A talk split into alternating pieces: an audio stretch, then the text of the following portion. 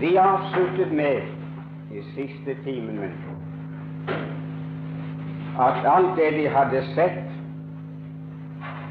om forlikelsen i den gamle pakt, det var en skygge eller et forbilde av det som er sagt oss om forløsningen i Kristus Jesus. Og vi leste i Hebreerne 9 og 1-10 at så lenge den gamle pakt varte, eller så lenge forhenget mellom det hellige og aller helligste i tabernaklet sto, så lenge var ikke veien inn til Gud og Den var der, men for mennesker var den ukjent. Men først når Kristus Jesus kom i tidens fylde, så skulle Gud sette alt i rette skikk. Så enten vi nå kan se det eller ikke se det, så er det hele satt i rette skikk. Og med det er Gud tilfreds. Og så går vi over til å se på forlikelsen i den nye pakt. Se på den rent direkte. Og der skal vi lese sammen igjen noen vers fra Hebreerne 9. Nå leser vi det 11. til 14. vers og det 22. til 26. vers. Altså Hebreerne 11 Nei, Hebreerne 9, 11 til 14 og 22. til 26. vers. Men da Kristus kom som ypperste prest for de kommende gode, gikk han gjennom det større og fullkomnere telt, som ikke er gjort med hender. Tabernaklet i Israel, det var gjort med hender. Det var en jordisk helligdom. Men han gikk inn i en helligdom som ikke var gjort med hender. Det er som ikke er av denne skapning, og ikke med blod av bukker og kalver, men med sitt eget blod en gang inn i helligdommen og fant en evig forløsning. Det verset utfor er litt vanskelig å oversette, for i de forskjellige oversettelser og språk har det gjengitt det noe forskjellig. Og jeg har aldri for min del vært helt tilfreds med den gjengivelsen som vi har her. Her står det at han gikk inn i helligdommen med sitt eget blod og fant en evig forløsning. Og jeg har hørt predikanter som har talt om at Jesus han tok sitt blod med til himmelen og viste sitt materielle blod fremfor Gud. Og når han gjorde det, så fant han forløsningen. Biskop Skatt Rørdam det var en dansk biskop. Han er nå hjemme hos Gud. I hans Nye testamente, som er hans egen direkte oversettelse fra grunnteksten, og i flere av de engelske oversettelser, står det noe annerledes. Der står at Kristus gikk inn ikke med blod av bukker og kalver, men han gikk inn i selve helligdommen. Etter at han ved sitt blod hadde vunnet en evig forløsning. Han gikk altså ikke inn med det, men etter at han hadde vunnet en evig forløsning, så gikk han inn i kraft av det. Og det er i alle fall sannheten. På Golgata sa han det er fullbrakt. Og da han var kommet inn, så var hele saken klar. Det skjedde ingenting i så henseende etter hans død. Men så fortsettes det.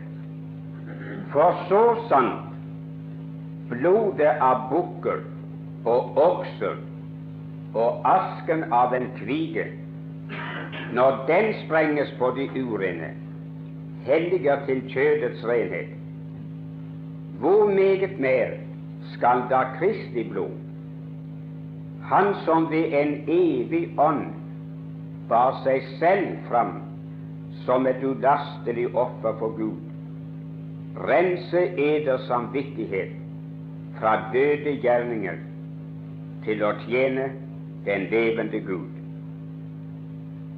Fra 22. vers.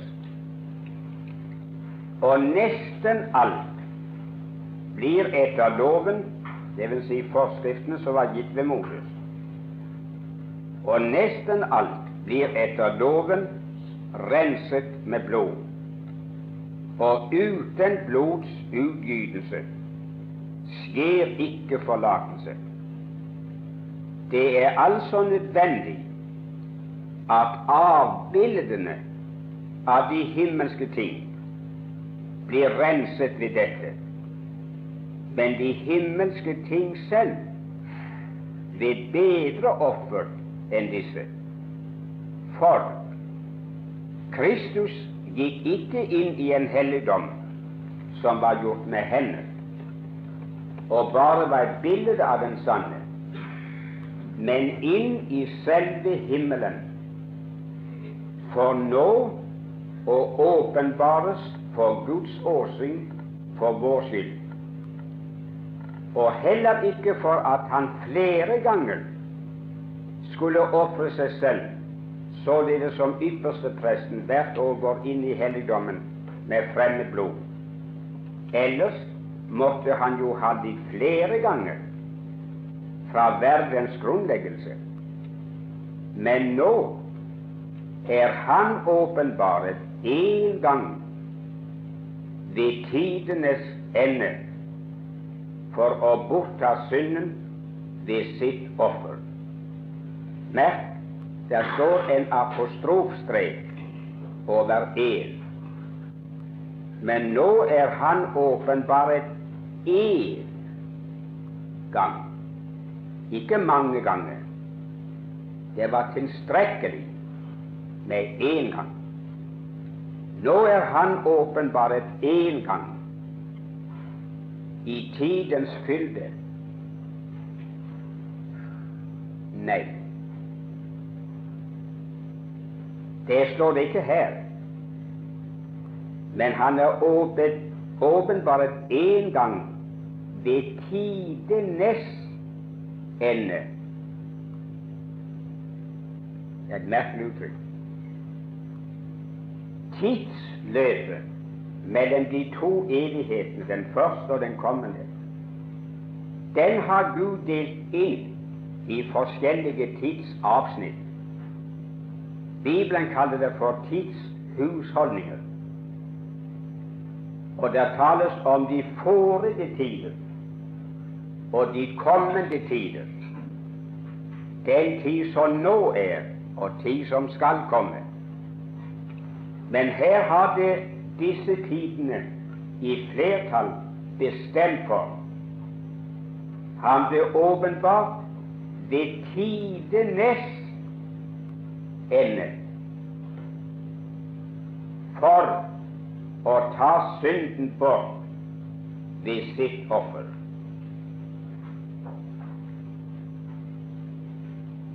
Ja, vi skal lese den også.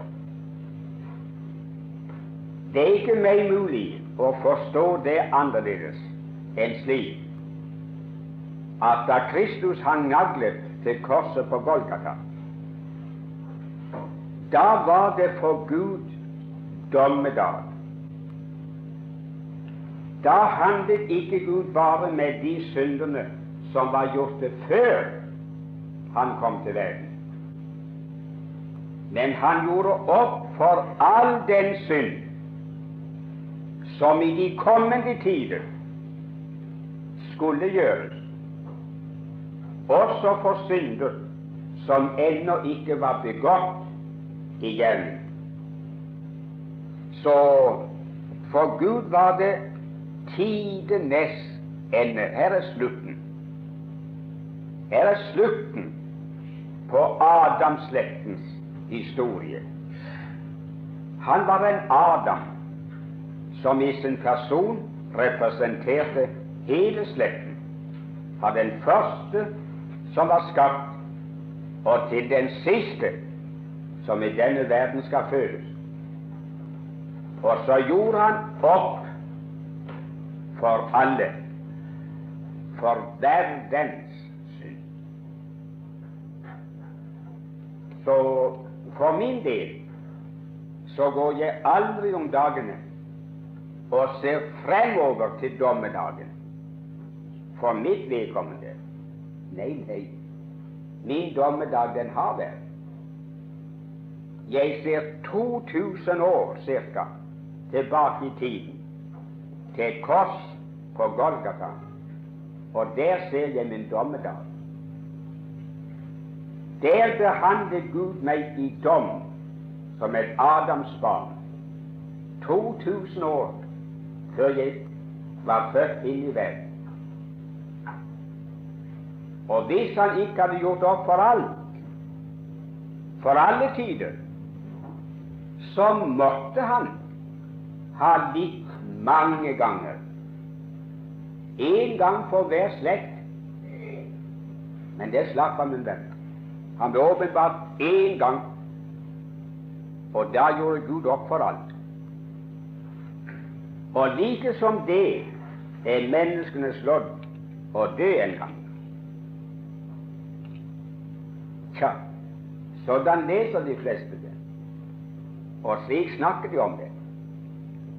At det er vår lodd at før eller senere må vi dø. Det er ingen vei utenom. Vi må dø en gang. Selvfølgelig. Det står der på andre steder i Skriften. Men det er ikke det som står her. Men her står det det er menneskenes slått i i motsetning til mange én gang å dø, og deretter dom. Så et menneske dør ikke mange ganger. Døden er kommet på grunn av synd. Det har vi talt om før. Og når så døden inntrer, så er det gjort. Så dør man ikke en gang til på grunn av den synd som er kommet inn i verden. Det er menneskenes lov. Således skal òg Kristus, etter å være ofret én gang for å bortta mange synder, annen gang åpenbare seg uten synd til frelse for dem som venter på ham. Den svenske oversettelsen den liker enda bedre. Der står således skal og Kristus, etter å være ofret én gang for å ta bort synder, annen gang åpenbare seg uten å være et offer for synder. Han skal aldri mer behøve å dø. For det er vår lodd å dø bare én gang. Og den lodden tok han, og døde én gang. Og så er han ferdig med det. Så om han kommer igjen og stiger inn i denne verden Han skal aldri mer dø. Han skal aldri mer være et offer for synd. For den tok han vekk den ene gangen han ofret seg. Når det var sammenhengen som vi skulle lese der fra Hebreerne 9 Og av dette synes jeg det skulle være klart at Kristus står som motbilde til alle den gamle pakts blodige ofringer. Det var til ham de alle sammen viste fram. Og samtidig ser vi her at det som skjedde ved Kristi død, det har en langt større rekkevidde og langt større verdi enn de ofrene hadde som ble båret fram i tabernaklet og i tempelet.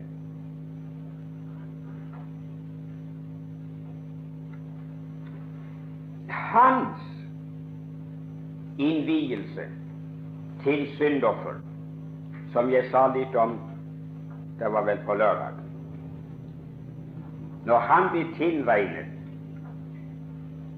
verdens synd, så omfatter den noe ganske mer enn når ypperste presten Aron innvidde et offer. Som jeg nevnte da og leste da fra, fra 3. Mosebok 16, så gjaldt den innvielsen bare én nasjons synder, nemlig Israels.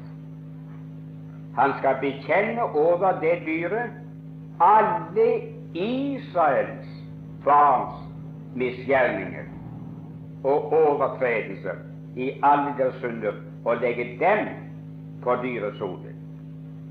Alle andre folkeslag var ikke med i det oppgjøret. Offeret der innbefattet ingen andre enn Israels barn. Om den Herre Jesus er det skrevet noe ganske annet. I, Johan, i Isaias 53 står det om ham. Jødene skal en gang si det, men før de kommer til å si det, har alle troende sagt det. Og vi sier det nå, at vi for alle vil så få. Vi vendte oss hver til sin vei, men Herren lot alles våres misgjerninger ramme ham.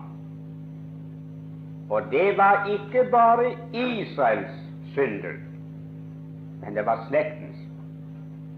For Johannes sier i kapittel 1, 29 Det har jeg også sett til før. Se det Guds lam som bærer verdens synd. Og så er det ingen annen synd. For jeg sier det så barnslig. Det var en tid i mitt liv da jeg ønsket å ha levd da Jesus levde og var her på jorden, eller at han hadde vært her nede nå. Jeg hadde reist til verdens ende for å få en samtale med ham og fått det avgjort hvordan han stiller seg til meg. Ja, det er du også. Jeg har tatt mitt siste øre. Og jeg hadde lånt og satt meg igjen for å møte ham personlig. Samtidig så ønsket jeg, og det gjorde jeg også som, som en yngre troende, ikke bare nyfrelst, men ennå etter at jeg hadde levd noen år med Gud, at jeg skulle ha kunnet støtt på mitt navn noe sted i Bibelen. Hvor det hadde stått at det og det gjorde Jesus for Johan Adolf Bjerkreim. Noen predikanter har det med når de preker og leser f.eks. fra Isaias 53 Han ble knust for våre misgjerninger. Sett nå du ditt navn inn der. Og så les ditt navn inn. Men det, det er ikke nødvendig. Jeg har aldri funnet mitt navn noe sted i Bibelen annet enn der hvor jeg har skrevet det selv. Og likevel vet jeg at det er meg det gjelder. Det er meg det er gjort for. Hvordan kan jeg vite det? Jeg vet det fordi at så elsker Gud verden. Ikke Johan Adolf Bjerkreim, men verden. Og han bar verdens synd på sitt legeme. Og djevelen har aldri vært så dum at han har gjort forsøk på å innbille meg at jeg ikke er en del av verden. Nei, men han har hatt meget strev med å innbille meg at jeg er så i bunn og grunn verden og verdslig at det ikke kan gjelde meg. Men å protestere på at jeg er en del av verden og en del av Adamslekten, det har han aldri funnet på. Han er ikke så dum. Men venner, all den stund jeg er en del av verden og en del av Adams slekt, så er Kristus død for meg. Og om jeg ikke bare hadde hatt mine personlige synder, ugudeligheten og djevelskapen og helvete i meg, og synd i mine handlinger, men all verdens synd hadde vært min synd. Jeg var ennå ikke fortapt. Jeg hadde selvfølgelig ikke hatt nerver til å bære det. Jeg er blitt sinnssyk.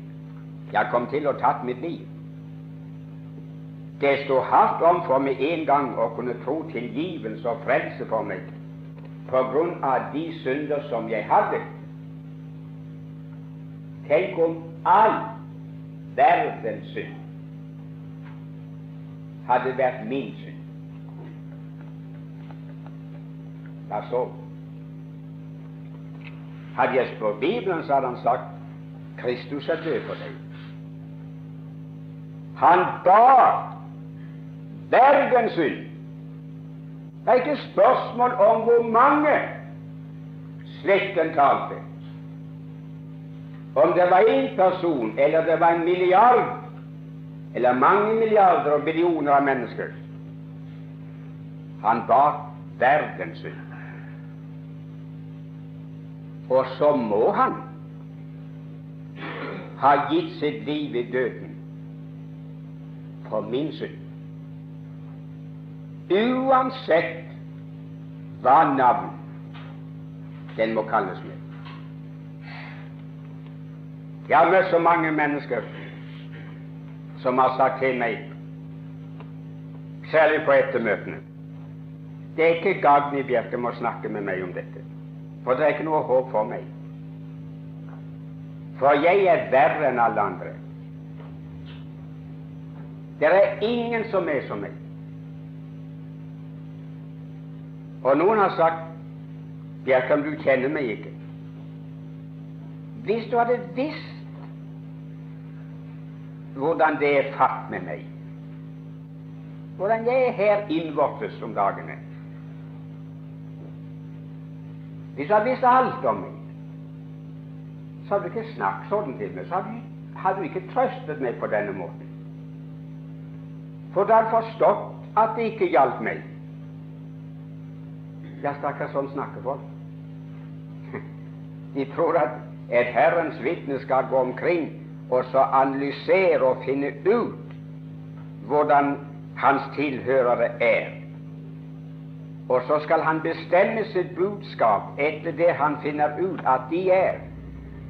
Nei, folk, når vi forkynner evangeliet, så kommer vi som om vi kom fra baksiden av månen, og ikke tar det plukk hensyn til hvem og hva de er som vi forkynner evangeliet for. For Gud har sagt de er syndere, og de er syndige. Og når de har begått synder, så er det fordi de til sitt vesen er syndige. Det har Gud gitt beskjed om. Men så skal vi fortelle sådanne syndere, den verste av de verste. Kristus er død for dem. For alt sammen.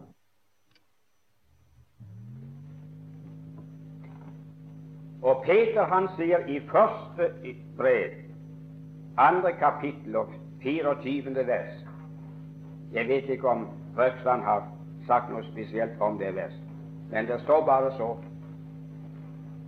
Han som bar våre synder på sitt legeme og på treet. Han bar ikke sine synder, for han hadde ingen. Men de synder han bar, det var våre. I første Johannes brev, kapittel 4, og vers 9-10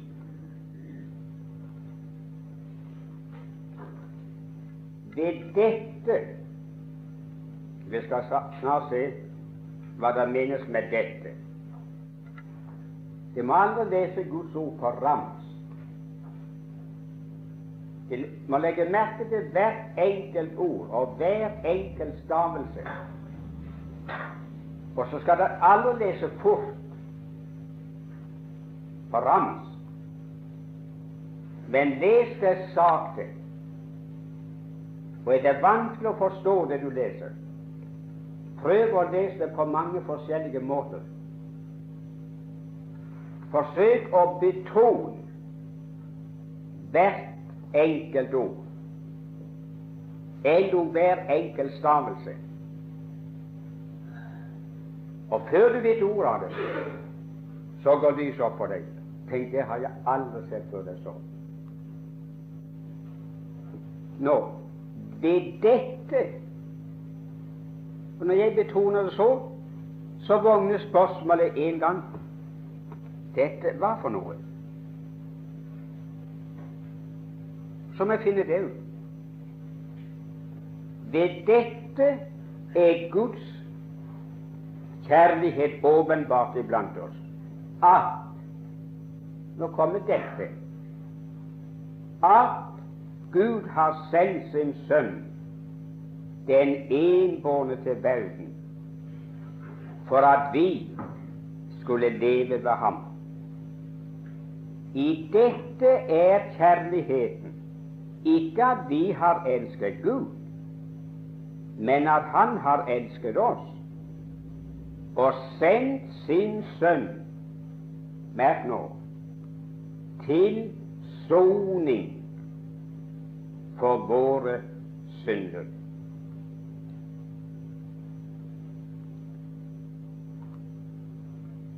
Det var hensikten med at Kristus steg inn i verden. Han skulle være en soning for våre synder. Og soningen bestod i hva vi leste i Hebrevet 9, han ble åpenbart en gang ved tidenes ende for at han skulle ta bort synden ved sitt offer. Det var den misjonen han kom i.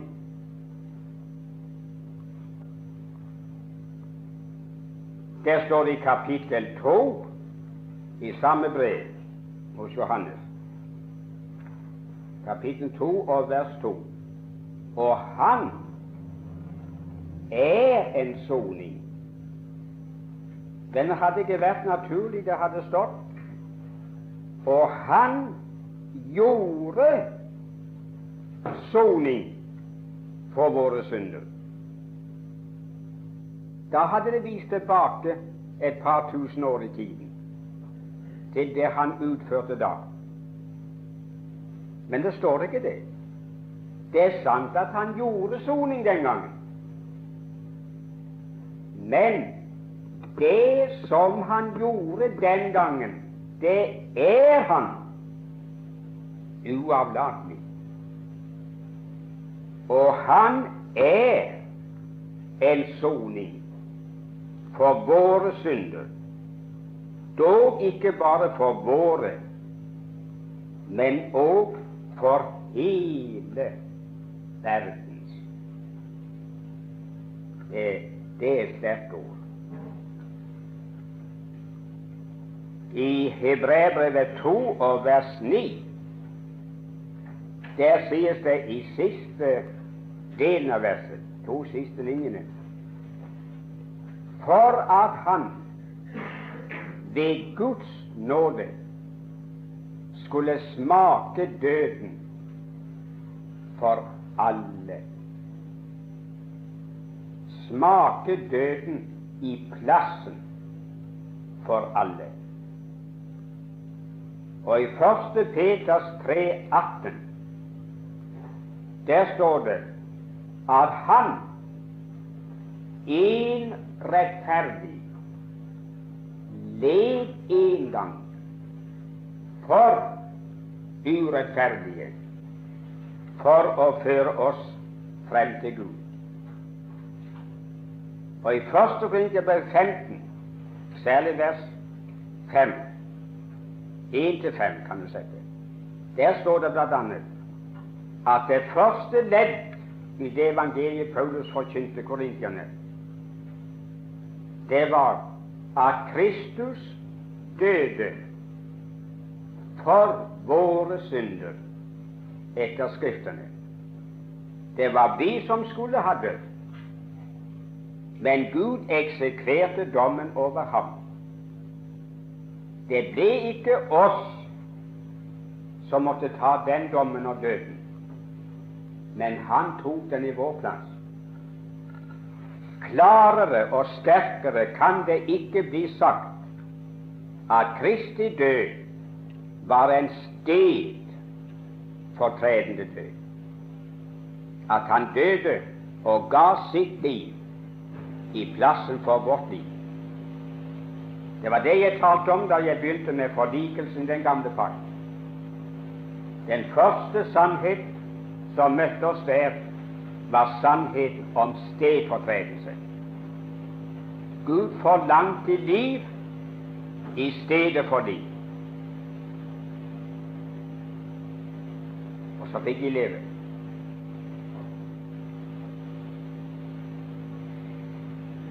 Vi skal bruke de neste minuttene av timen til å lese sammen den første del av Hebreerne 10, fra vers 1 til 14. Så skal jeg prøve å skyte inn noen bemerkninger der etter hvert. I det 26. vers leste vi at han er åpenbart én gang ved tidenes ende for å ta synden bort ved sitt offer. Og Johannes leste vi han sendte sin sønn til soning for våre synder. Nå skal vi lese fra vers 1 i kapittel 10. For da loven Det minnes ikke de ti bud, men hele Moseloven. Loven med dens forskrifter.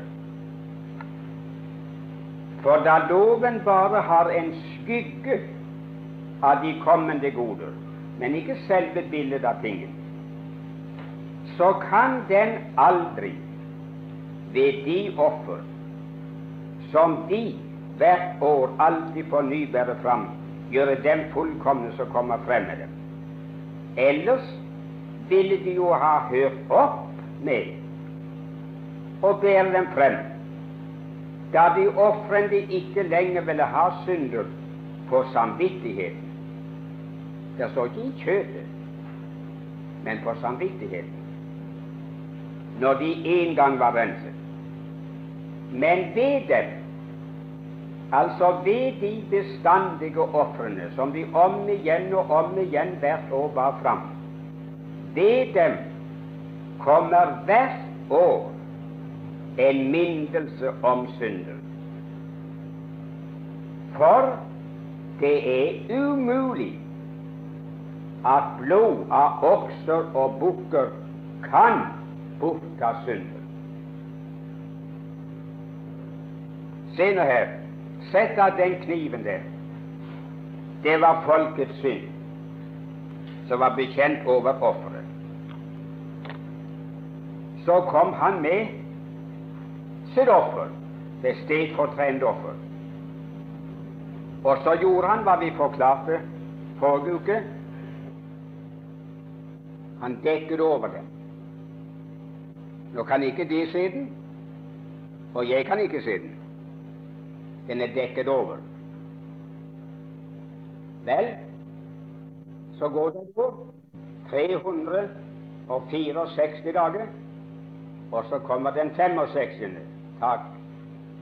Der kommer presten igjen fram med samme offer. Dekker over igjen. Hvordan virker det på ham og på folket? De fikk en mindelse om synder. Den mindelse at Uff da, den er der ennå. Hvis det offer vi bar frem i fjor, hadde fått den synden vekk, så behøvde vi ikke ha kommet igjen i år. Når Gud forlanger et nytt offer, så er det fordi at synden er der ennå. Det er umulig at blodet av bukker og okser og kalver kan ta den vekk,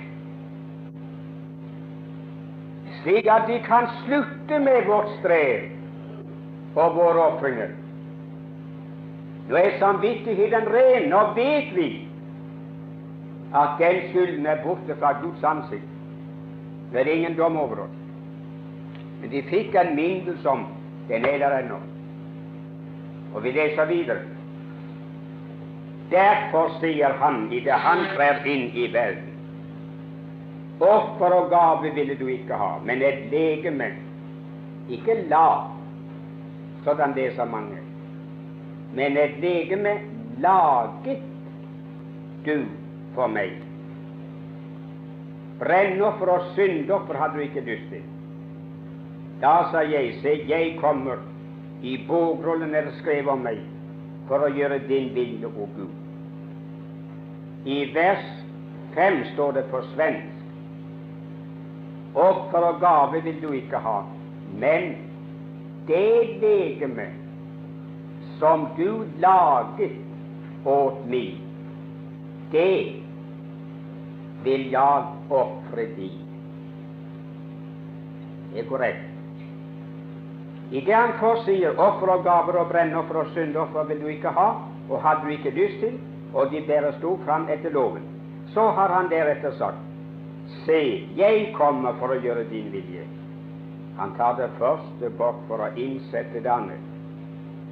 Og ved denne vilje, enn han kom for å gjøre, og gjorde, er vi hellige ved ofringen av Jesu Kristi legeme midlertidig. Tja, så er spørsmålet om hvor lenge det varer. Nei, min venn, så er vi hellige ved ofringen av Jesu Kristi legeme en gang for alle. Hver prest står dagen. Dere sitter. Jeg står. hver prest står daglig og gjør tjeneste og bærer mange ganger frem de samme offer, som dog aldri kan bortta synden. Men han har båret fram ett ETT, ett offer for synden, og har deretter for alltid satt seg ved Guds høyre hånd, og nå bare venter på at hans fiender skal legges til skammen for hans føtter. For med ett offer har han for alltid gjort dem fullkomne som blir hellige.